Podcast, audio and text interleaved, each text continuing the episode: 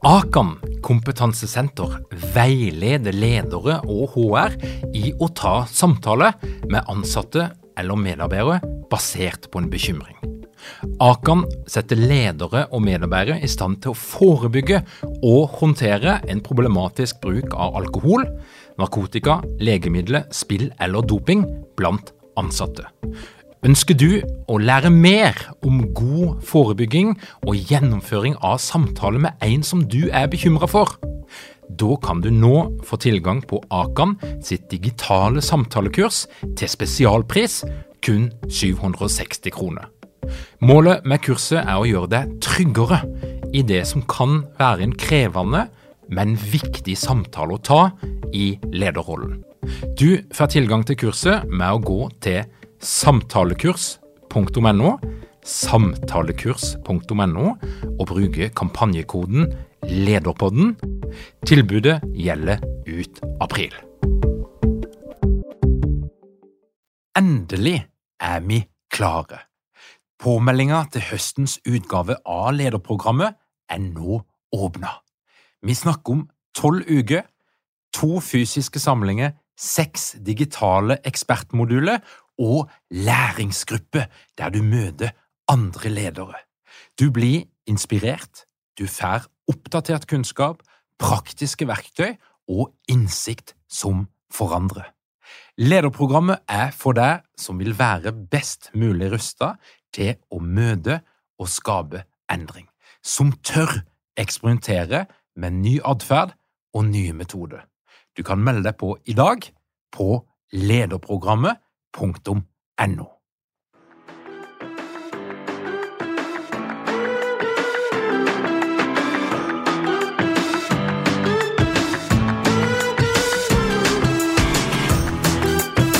Velkommen til Lederpodden.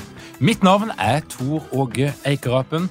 Jeg jobber som organisasjonspsykolog, og dette her er en podkast om ledelse.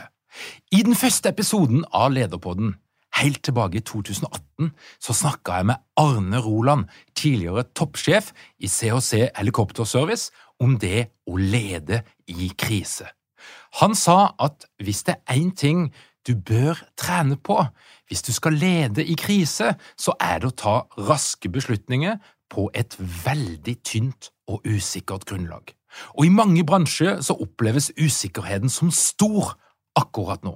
Krig, råvaremangel, pandemi og teknologiske trusler. Og åssen leder du når framtida er uviss?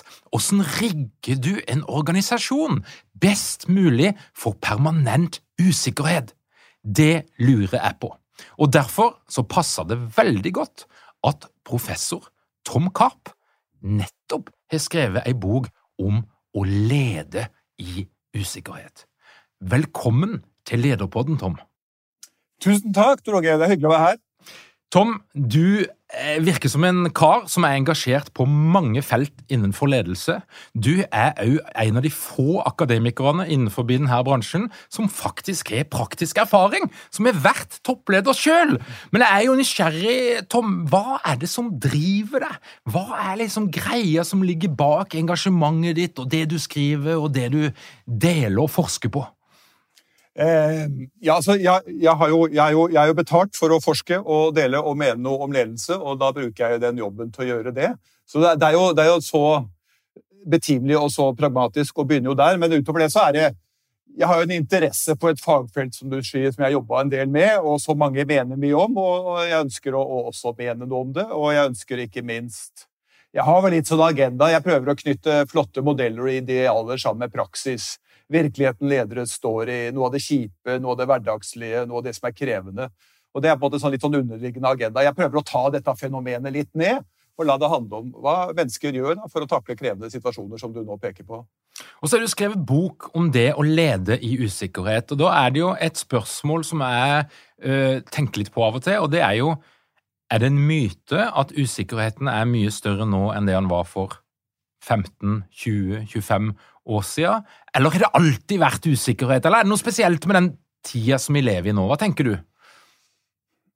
Nei, og det, eh, igjen et godt, jeg har, jeg har, tenkt mye på det i og med at jeg har prøvd å skrive en bok om det. Jeg har også prøvd å følge En av de siste jobbene jeg hadde, var, var Jeg slutta som strategidirektør i Kverner. Og, og, siden den tida, det var på slutten av 90-tallet, så har jeg prøvd å følge litt med hva som, hva som skjer i verden. Hvilke, er noen faktorer som på en måte sier at det går opp eller ned, og, og bestemmer hvordan det går i, både i markeder og i offentlig sektor, og hva det nå skal være. Um, og så tror jeg at det er vanskelig å si mer eller mindre usikkerhet. Jeg tror man når dampmaskinen kom og industriell reversjon, så tror jeg folk opplevde mye usikkerhet. Når internett kom, så opplevde han mye usikkerhet. Så dette her er jo noe som, som, som svinger litt. Eh, men det er i hvert fall det er mye som tyder på, når du ser på indikatorer fra IMF, fra Federal Reserve, sånne ledende, store byråer som regner litt på det og mener noe om det, så er det mye som tyder på at vi er nå, siden begynnelsen av 2000-tallet, er vi i tider hvor det er på en måte en underliggende strukturell usikkerhet som på en måte oppleves som større enn en, på en god del tiår. Mm. Eh, som gjør det kanskje nå krevende å, å, å, å lede og organisere virksomheter. Og så har vi jo alle hendelsene som du peker på. Fra, fra, internettet kom, du har terrorendringer, du har geopolitikk som vi ser nå, vi har krig osv. Og vi har pandemi, som også forsterker opplevelsen. I fall kan du, jeg tror du kan hevde ganske sterkt at det er en opplevelse av usikkerhet som mange ledere og medarbeidere opplever. Og det på en eller annen måte preger oss når vi skal ta beslutninger og når vi skal organisere virksomheter og få ting til å gå rundt.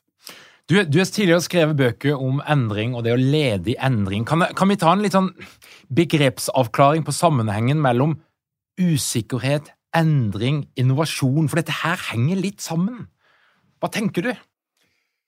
Eh, jo, det er vel sånn at hvis vi, sammenhengen, hvis vi holder oss på VG-overskriftsnivå, er vel på en måte usikkerhet eh, ute i noen form for noen markeder, omgivelser, samfunn, har en tendens til å trigge mer endring. Altså En organisasjon må respondere på ting som skjer der ute, og, og respondere litt hyppigere fordi det er usikkerhet. For da responderer man både når man må, men noen ganger responderer man også litt for ofte fordi man ikke må, fordi det er usikkerhet. Kunnskap er usikker.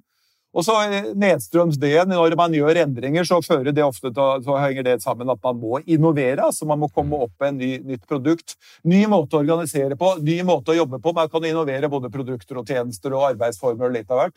Så det er liksom en sånn kjede fra usikkerhet til noe endring til at man også kommer opp med nye måter å både levere tjenester på, og hva slags tjenester det skal være, hva slags produkter det skal være. Så uh, usikkerhet kan sånn sett være en positiv drivkraft som setter i gang innovasjon, nytenking, gode prosesser som, som gjør at det, et eller annet funker på en bedre måte?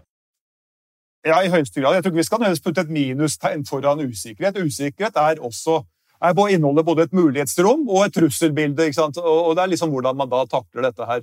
Men det er klart at usikkerhet er en, er en, er en kilde til, til nytenkning. Hvis du takler det, og hvis du har flaks nok og treffer på det du driver med.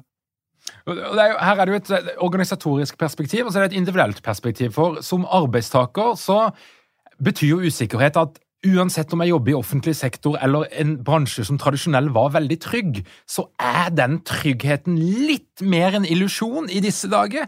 Det er iallfall noe jeg møter der ute. Det er mange som er redde for at kompetansen skal gå ut på dato, at det de driver på med og det de er flinke til, blir automatisert. Altså, det å deale med den der usikkerheten på et individuelt nivå, mm. hvordan kan en klare det på en god måte? Nei, det selger nok av både organisasjonspsykologer som dere og andre ganske Altså, Det enkle svaret på det er vel at på en eller annen måte så Altså, Usikkerhet fører jo til utrygghet. De fleste av oss blir utrygge når det er ting vi føler ikke vi kan kontrollere, ting vi ikke kan forstå, ting vi ikke vil ha oversikt over. Og har, Man har et behov for trygghet. Og Den vanligste responsen er at man forventer noen form for trygghet fra mennesker som leder oss. Det er noe vi har med oss fra barnsben av. Vi ønsker at mor og far skal gjøre det trygt for oss. og Sånn tenker vi også i forhold til organisasjoner. Og så er vel kanskje begrensa hvor mye organisasjoner i dag klarer å skape trygge rammebetingelser, selv om vi skulle ønske det av både organisasjonen og ledere. Og Det liksom, liksom eksistensielle svaret på det der er måte, da må du på et eller annet nivå akseptere usikkerhet. Du må akseptere at alt kan vi ikke gjøre noe med. Alt klarer ikke den store staten, store organisasjonen, store virksomheten du jobber i, å demme opp for. Så det koker jo også ned på et, et individuelt plan. Og det er en ganske krevende strategi, at vi må akseptere at det er uh, usikkerhet, og det må vi på en måte lære oss på en eller annen måte å leve med. Noen, noen lager store bomberom i kjellerne og blir preppere, mens andre finner andre strategier for dette. Godt eksempel.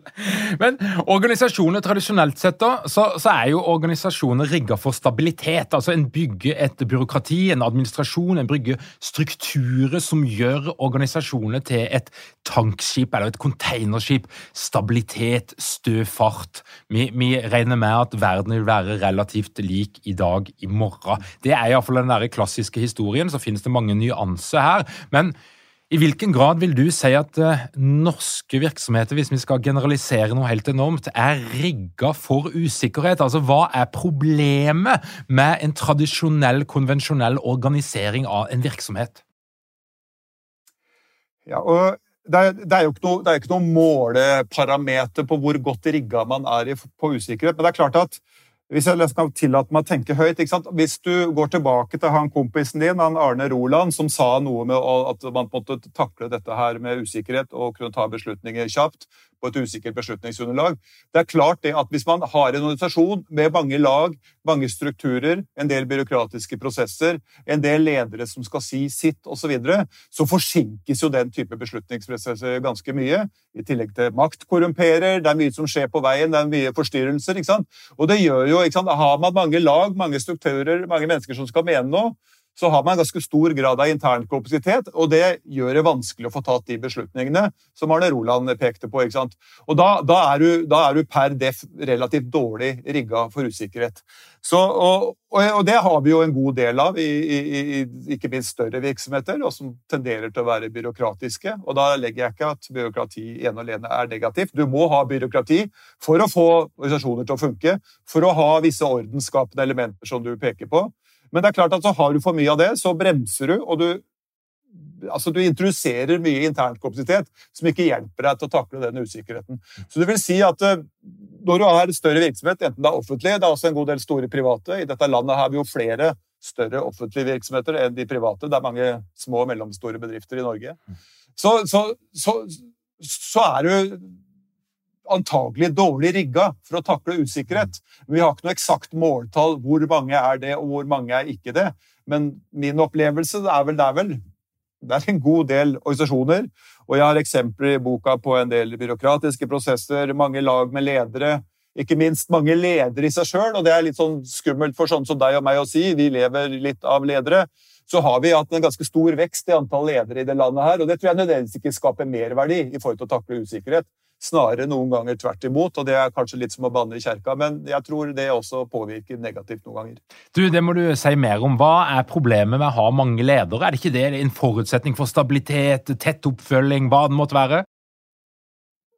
Eh, jo, noen ganger så er det det, men så kan du problematisere det der også. For mange ledere har også da en tendens til å ville forsvare egen posisjon og egen lønn. Sette i gang prosesser for å på en måte legitimisere det at de er ledere. Alle de prosessene har ikke alltid like mye merverdi. I tillegg til har vi det av intern politikk. Ja, det sier jo de fleste ledere. Det driver ikke jeg med, det er bare tøys og tull. Det driver de fleste ledere med, og det må man drive med. Og systemer, andre greier som ikke antageligvis alltid tilfører like mye verdi til det organisasjonen trenger å gjøre for å få til den verdiskapningen man skal ha. Og da Hvis også ting skal gå raskt, og du skal innom mange sånne led med ledere, så, så sier det seg sjøl at det kan bli en utfordring. Mm. Og da har vi jo Humocracy-bevegelsen, som, som, sier at uh, knus byråkratiet, få ut beslutningene. Og du refererer vel også til Janne Karlsson, eh, som, som, nå er på 80-tallet allerede sa noe om snu pyramiden og få beslutningene ut til de Altså, Hva, hva er alternativet her? Ja, hva er greia? Nei, altså og det, I jevne mellomrom så kommer det en eller annen guru og sikkert forskere som meg og så videre, som snakker om disse pyramidene som skal snus, og vi skal jobbe på helt andre måter. Og Så blir det blaff, og så jobber vi nok ikke på helt andre måter. Det skal ganske mye til. Um, og jeg er, jeg er, ikke helt i den sjangeren, men jeg, jeg peker på jeg, Om ikke du skal snu pyramidene, så tror jeg du skal i hvert fall riste litt i de for å kunne gjøre noe med det vi nå snakker i forhold til beslutningsprosesser. Og det, altså, det, er, det, er, to responser vi på en måte kan se når vi ser hvordan takler virksomheter flest usikkerheter. Det er den ene siden av streken. Det er den lederstyrte responsen, hvor du har mange ledere. Du gjør analysene, du tenker nøye på posisjonering, du bygger mye staber og dette her, og du på en måte regner deg fram hvordan skal du takle dette her. Og den fins jo. Og jo mer krise det er, jo mer har vi tendens til å, å, å, gi ledere makt og legitimitet og tro på sterk ledelse og la de rydde opp. Og det kan jo godt hende at du trenger for en krise, men det er sjelden strukturer som egner seg på en måte i vedvarende usikkerhet. For da får du for mye konsentrasjon av makt, og du får for treige prosesser, og du har nødvendigvis ikke makt og beslutningsmyndighet der kunnskap fins. Og den andre responsen er jo da det andre, og da er vi liksom litt forbi Janne Carlssons idealer og dette her. For det er et økende antall virksomheter, eh, både ute i verden og også i dette landet, som, som tester ut da nye måter å organisere, lede og beslutte på. Og ja, Kortversjonen av det handler vel om å gjøre organisasjoner noe flatere. Det handler om å, å gjøre medarbeidere mer autonome. Det handler om å få tatt beslutninger nærme førstelinja kjappere når problemet oppstår. Eh, det handler om å rydde vekk litt byråkrati. Det handler om å la ansatte få lov å ta beslutninger om økonomi, f.eks. Det handler om løsninger som er, rett og slett er en desentralisering og en delegering av makt og myndighet nærmere der hvor problemer oppstår. Eh, men det er ikke dermed sagt at du ikke trenger ledere. Ikke da trenger du litt andre former for ledelse, og kanskje litt færre, færre ledere. Og Det der var før litt sånn spennende organisatoriske eksperimenter, men nå er det markedsledende og større bedrifter, også offentlige virksomheter, som kommer på toppen av lister om å være innovative osv., som, som tester ut litt andre måter å jobbe på, rett og slett for å takle det vi nå snakker om. Så vi liksom får forbi dette her ideologiske, at det var litt sånn sære organisatoriske eksperimenter, til at flere og flere tester ut dette her. Og Du har jo et eksempel i boka di som er særdeles populært å bruke rundt forbi. Det er en sånn gjenganger. Det er to eksempler som ofte blir brukt i internasjonal litteratur. Det er Burtsorg og det er Patagonia. Eh, og, og, det blir kalt for såkalt TIL-organisering. Og da, Jeg må fortelle bare en sånn kort anekdote. Jeg, jeg har en kollega av meg som har bakgrunn som press. Og så, så, kom jeg med masse fyr og flamme og presenterte Burtzog. Se på dette her opplegget! Det er jo helt rått! De tatt det helt ut! Fantastisk! Og så rister han på hodet så sier han dette her er jo en sekt! altså, det er noen prinsipper som Han så noe sekterisk, jeg så uh, lyset. Hva tenker du? Mm.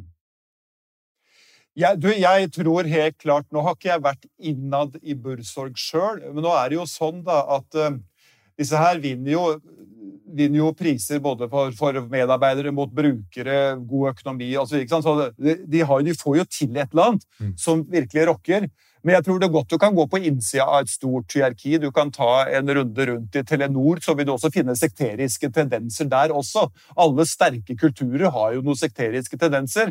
Eh, men, men, når man snakker om Bursorg, og man har svære stålfabrikker i statene, man har Pakagoner, som du peker på,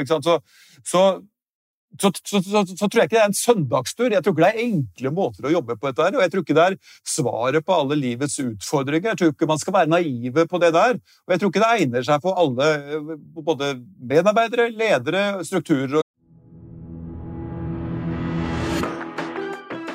Er dykken mange ledere uten trening eller utdannelse innen ledelse? Mangler dykken en felles kultur og praksis for ledelse? Ønsker du kunne være bedre rustet for fremtidig vekst og endring? Da kan et internt lederutviklingsprogram være en god investering. I Execu så er vi eksperter på å designe og gjennomføre bedriftsinterne lederutviklingsprogram. Hvis du ønsker å lære mer om hvordan vi kan hjelpe dykken til å få enda bedre ledere, ta og klikk deg inn på execu.no.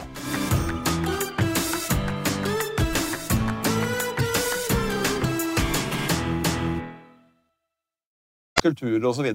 Men det i hvert fall empirien tyder på, da, at flere får dette her til og har holdt på en god del år og leverer ganske gode resultater med organisasjonsmodeller som antageligvis er mer egnet til å leve i den virkeligheten vi nå lever i, gitt dette med usikkerhet som vi har snakka om. Mm. Men at du kan ha sekteriske elementer i noe sånt noe, ja, absolutt. Men det har du også i vanlige organisasjoner. Det, det er, eh, dukker opp i mange tilfeller.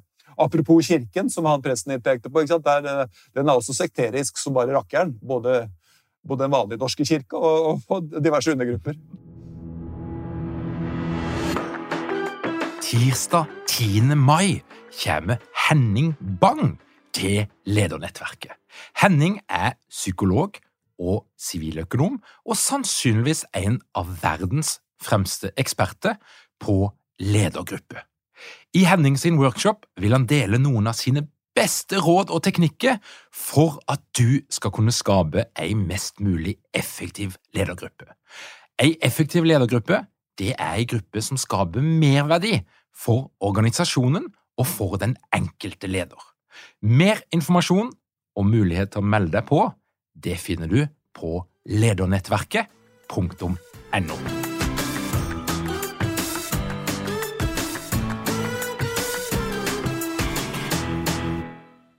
Men kan du ikke fortelle litt om Buurtzog? Det er ikke sikkert alle lytterne kjenner til den, den casen, og det, og det, er en god case. Det er det jo ingen tvil om.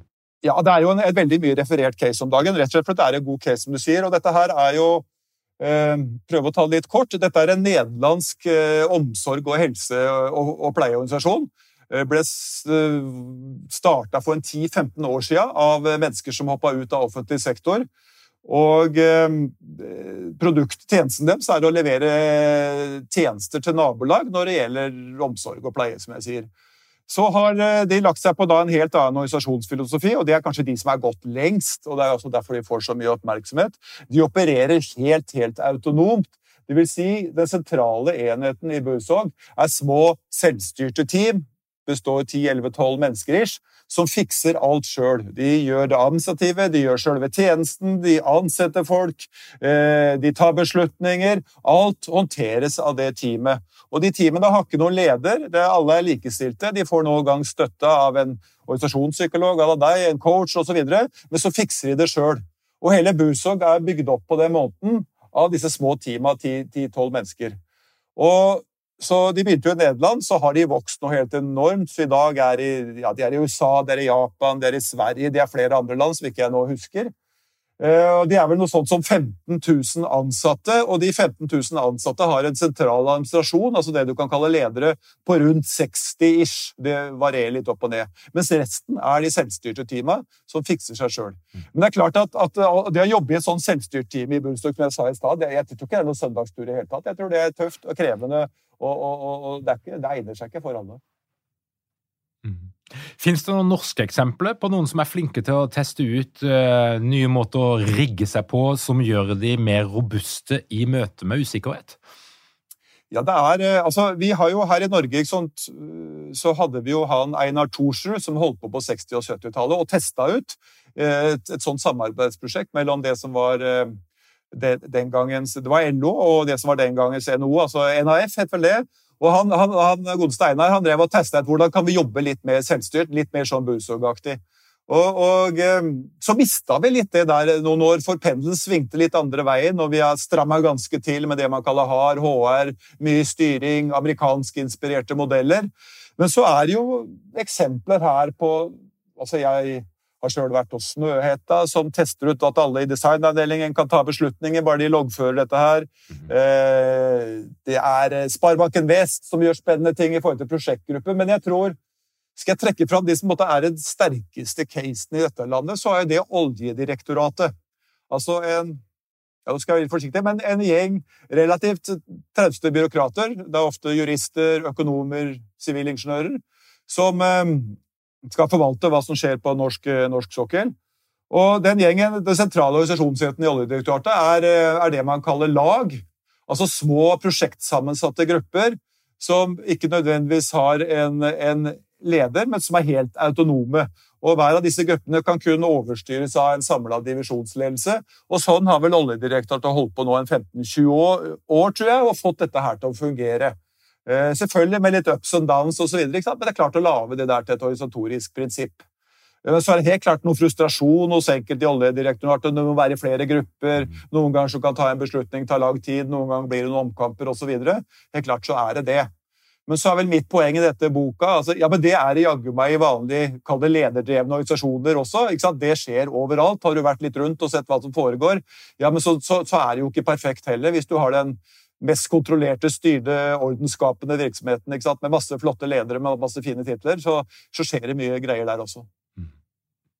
Det, er, det, er, det, noen sånn bestemt metodologi som er den magiske sausen som kan hjelpe oss i overgangen fra å være da trauste, byråkratiske organisasjoner eh, til å bli noe mindre sårbart. Altså, vi snakker om de agile metodene, vi snakker om Skrøm, noen snakker om design sprints. Altså, mm. Det er massevis av svar der ute, men, men, men er, er, er det noe som mangler? Ja, det er ikke helt sikker på hvor du er på vei, Torgeir, men jeg tenker jo at eh, altså Det er ikke noen oppskrifter her i det hele tatt, selv om det står mange fine ting i bøker, om, om, og du kaller det noen gang agilt, og du kaller det autonomt, og du kaller det smidig, du kaller det mye rart. Mm. Og det er, noen, det er, noen, sånne boklige oppskrifter. Men uh, altså for det første så tror jeg elefanten i rommet i denne diskusjonen, som vi kanskje snakker litt sjeldent om, det handler jo om makt. For, for å skal få til noe av dette her, så, så, holder ikke festtalen å bare dytte ansvar og oppgaver nedover. Du må også få reell makt og beslutningsmyndighet, og det sitter ofte langt inne. Så skal du peke på én faktor som gjør at de som klarer å jobbe bedre på den måten, klarer å reelt delegere makt. Og Det har jo da noe med ledere å gjøre, som klarer å slippe makt og som klarer å slippe kontroll.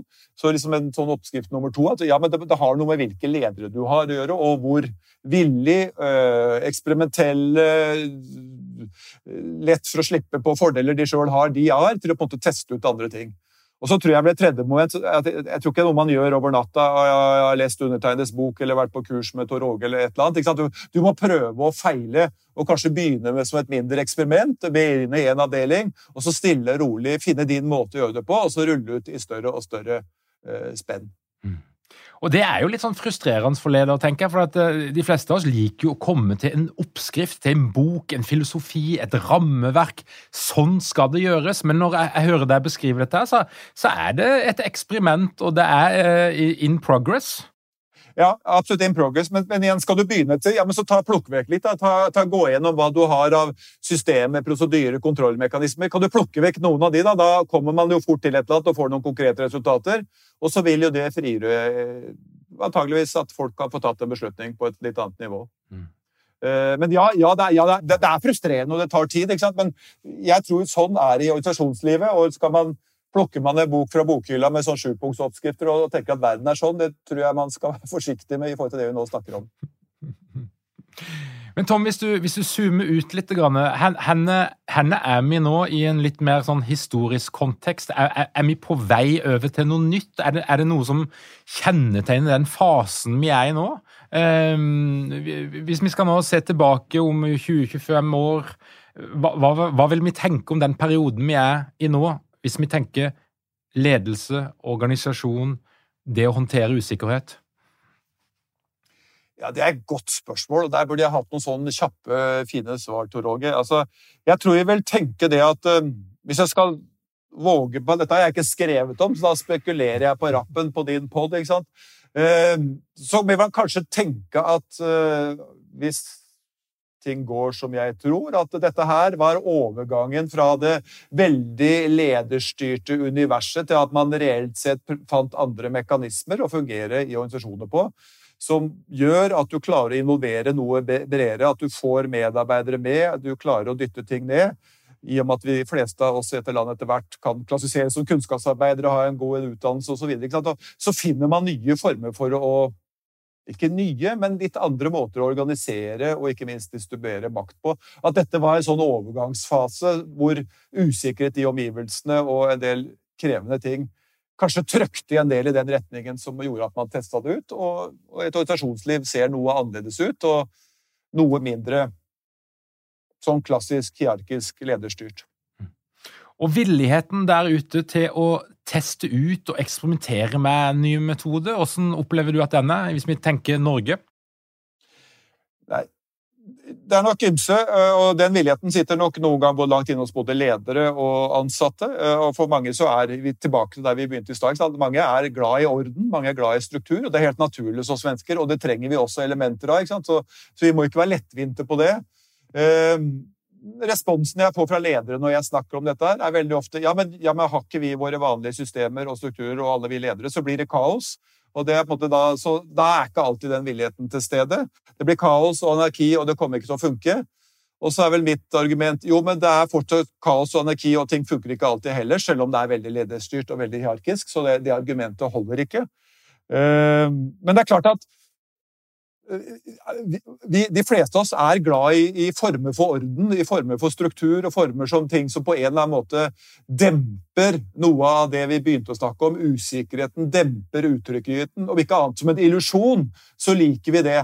Og det å gå da til i større grad akseptere at det fins, det er et ganske svært prosjekt. Å leve det ut i hverdagen på en jobb, når vi i tillegg skal levere tjenester, produkter eh, med korte tidsfrister, så er det klart at det er en krevende strategi for mange av oss. Eh, men jeg, jeg, tror ikke man kommer unna at en del må teste ut. Om ikke gå all in, men du må teste ut i hvert fall light-varianter av det vi snakker om nå. Mm. Du, det er jo mange av oss som driver og synser om ledelse på mer eller mindre kvalifisert grunnlag. Og det jeg lurer på, eh, Tom, hva er det flere akademikere og synsere burde ha visst? Og som de kunne lært av deg, som faktisk har stått i de skoene og testa det ut i ganske mange år? Oi, her skal jeg være forsiktig. eh, nei, altså Jeg mener, og det er vel ikke bare jeg som mener at innenfor ledelsesverden så, så har vi, har vi en, et, et, et, slags gap mellom, kall det, en virkelighet og de rammebetingelsene den hverdagen ganske mange ledere står i, og det vi kan kalle litt mer sånn idealaktig, gullkanta verden, hvor det er modeller og en del teorier osv som du kan ta med deg fra en handelshøyskole. Jeg jobber jo på noen sånne sjøl, så jeg skal være forsiktig med det. Og du kan lese om det i boka, men som ofte er noe annet. Noen ganger i form av normative oppskrifter, noen ganger i form av to ganger to matriser, noen ganger i form av helhetlig teori, men som ofte er noe annet enn hva en del ledere, i hvert fall min opplevelse etter å både ha forska på det, gjort, uh, gjort følgeforskning på det ute og sett hva ledere driver med, medarbeidere holdt med, er noe annet enn den virkeligheten og de hverdagene de faktisk står i. ikke sant?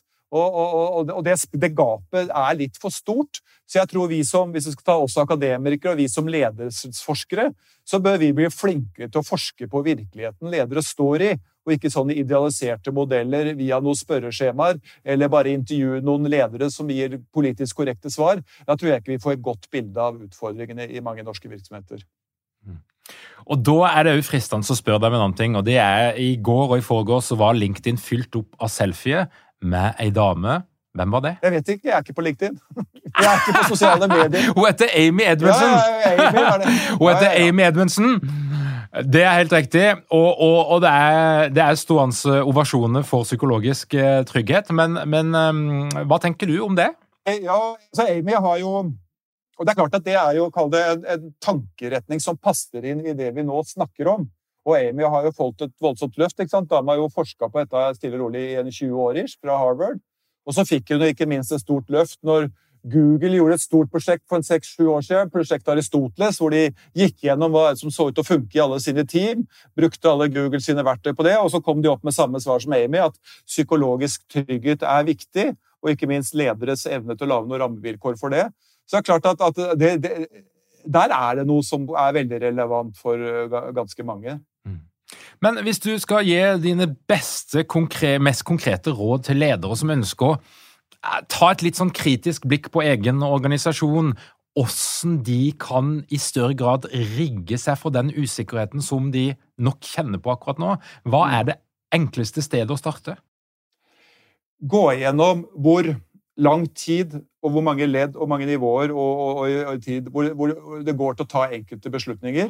Og hva slags beslutningsgrunnlag, hvor godt er det kunnskapsgrunnlaget, hvor mange ledd man er innom osv. Det tror jeg på en måte er et godt sted å starte. Og Da får man en oversikt, et slags temperatur, for hvor kompleks organisasjonen kan være. Og så vet jeg selvfølgelig at en beslutning er ikke en beslutning, og det er forskjellige typer beslutninger osv. Men, men ta, tenk litt på hvordan beslutningsprosessene foregår. Eh, og om de er på en måte egnet til å takle det at ting skal gå fortere, og at kunnskapsgrunnlaget er tynnere, eh, kan vi holde på som vi holder på.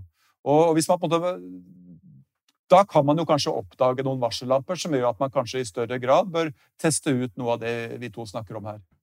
Tom Kapp, tusen takk for at du kom til Lederpodden. Tor Åge, takk for meg. Fint å være her. Da har jeg prøvd prøvd Lederpodden live. Det var en ny opplevelse. Det var fint. Takk skal du ha.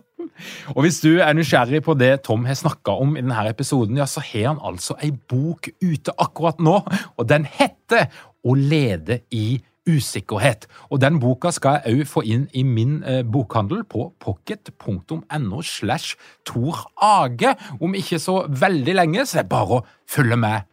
Uansett, takk for at du hører på Lederpodden. Hvis du er interessert i å vite mer om det som skjer i vårt lederunivers, så kan du komme deg inn på lederpodden.no, trykk på den rette knappen, legg igjen din e-post, og du vil få vårt nyhetsbrev hver eneste fredag. Og hvis du vil lære enda mer, så har vi en klubb, en forening, et nettverk, en gjeng som møtes en gang i måneden for å lære, for å dele og bli inspirert. og du finner alt du trenger å vite på ledernettverket.no. Takk igjen for at du hører på Lederpodden. Vi høres igjen om ei uke.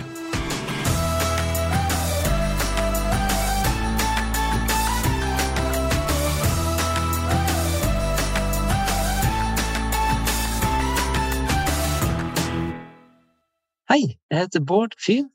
Jeg jobber på Norges handelshøyskole, der jeg forsker på psykologisk trygghet i teamarbeid. Min bakgrunn er fra Forsvaret, der jeg har eh, lang erfaring med å jobbe med praktisk ledelse og teamutvikling. Nå brenner jeg for å gjøre forskninga praktisk tilgjengelig, forståelig og anvendbar. Til høsten skal jeg delta på lederprogrammet. Det gleder jeg meg til, og jeg håper å se deg der.